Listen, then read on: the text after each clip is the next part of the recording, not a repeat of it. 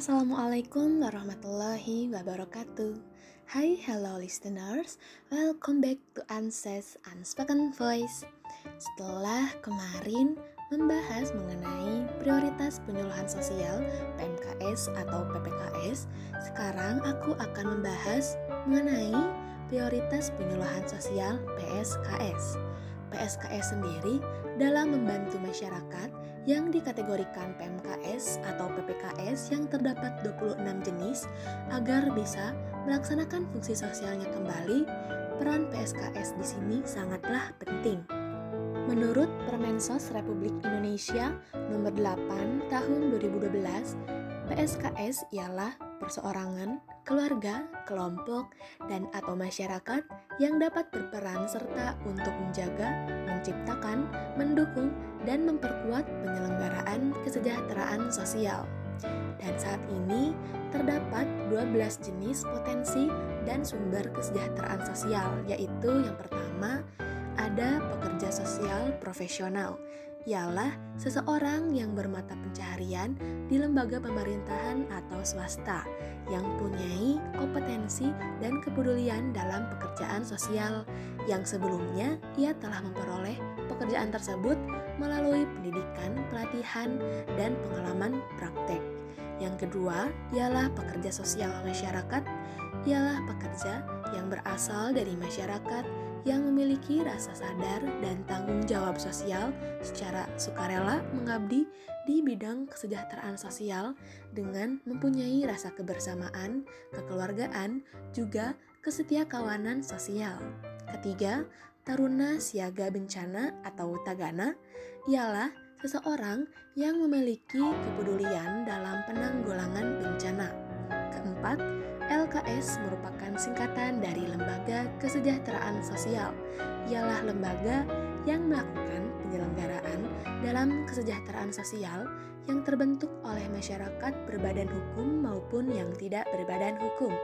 Kelima, Karang Taruna ialah organisasi sosial kemasyarakatan yang dari, oleh, dan untuk masyarakat.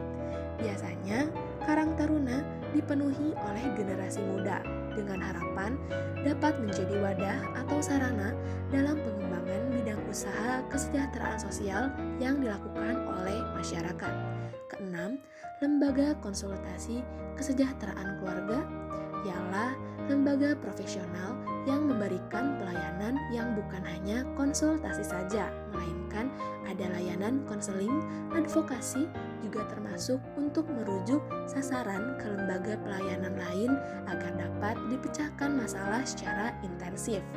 Ketujuh, keluarga pioner ialah keluarga yang bisa dijadikan panutan untuk keluarga lainnya, terutama dalam mengatasi masalah. Kedelapan, ada wahana kesejahteraan sosial keluarga berbasis masyarakat, ialah alat atau sarana yang bekerja sama dengan pelayanan sosial, yaitu usaha kelompok, lembaga, atau jaringan pendukung lainnya. Kesembilan, wanita pemimpin kesejahteraan sosial ialah wanita yang menggerakkan juga memotivasi masyarakat dalam penyelenggaraan kesejahteraan sosial di lingkungan ia tinggal. 10. Ada penyuluh sosial, yaitu seseorang yang akan menyelenggarakan kegiatan penyuluhan sosial yang terbagi dua, yaitu penyuluh sosial fungsional dan penyuluh sosial masyarakat. Yang membedakannya ialah jika penyuluh sosial fungsional biasanya se seorang yang telah menjadi PNS, sedangkan penyuluh sosial masyarakat berasal dari kalangan masyarakat biasa. Dan ke-11 ada TKSM atau Tenaga Kesejahteraan Sosial Kecamatan. Ialah seseorang yang menjadi pengendali kegiatan kesejahteraan sosial yang diselenggarakan di kecamatan. Nah, yang terakhir 12 dunia usaha ialah suatu lembaga yang berpartisipasi dalam menyelenggarakan kesejahteraan sosial kepada masyarakat terutama di bidang usaha, industri, atau produk barang dan jasa baik itu BUMN maupun BUMD. Upaya dari PSKS untuk membantu masyarakat PMKS atau PPKS ini agar dapat kembali menjalani fungsi sosial dan tercapai kesejahteraan sosialnya ialah melalui rehabilitasi sosial yang diselenggarakan oleh Dinas Sosial di Balai Rehabilitasi Sosial. Ada tiga metode rehabilitasi sosial, yaitu pertama, metode persuasif, ialah metode mengajak agar bisa meyakinkan atau membujuk seseorang agar mau direhabilitasi.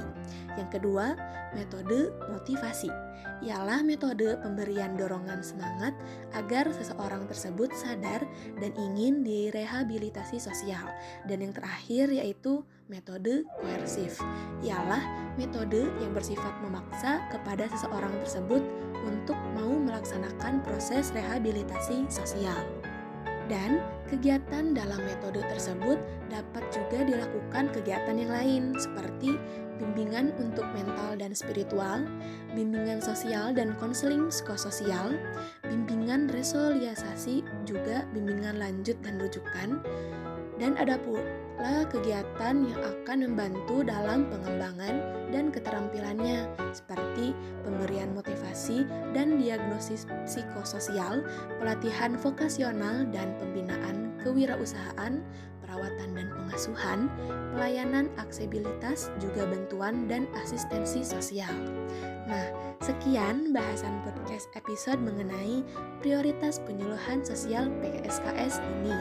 Walaupun PSKS menjadi peranan yang sangat penting dalam membantu merehabilitasi PMKS atau PPKS, bantuan dan kerjasama dari pemerintah juga dunia usaha sangat dibutuhkan, sehingga PMKS dan PPKS dapat menjalankan fungsi sosialnya seperti sedia kala.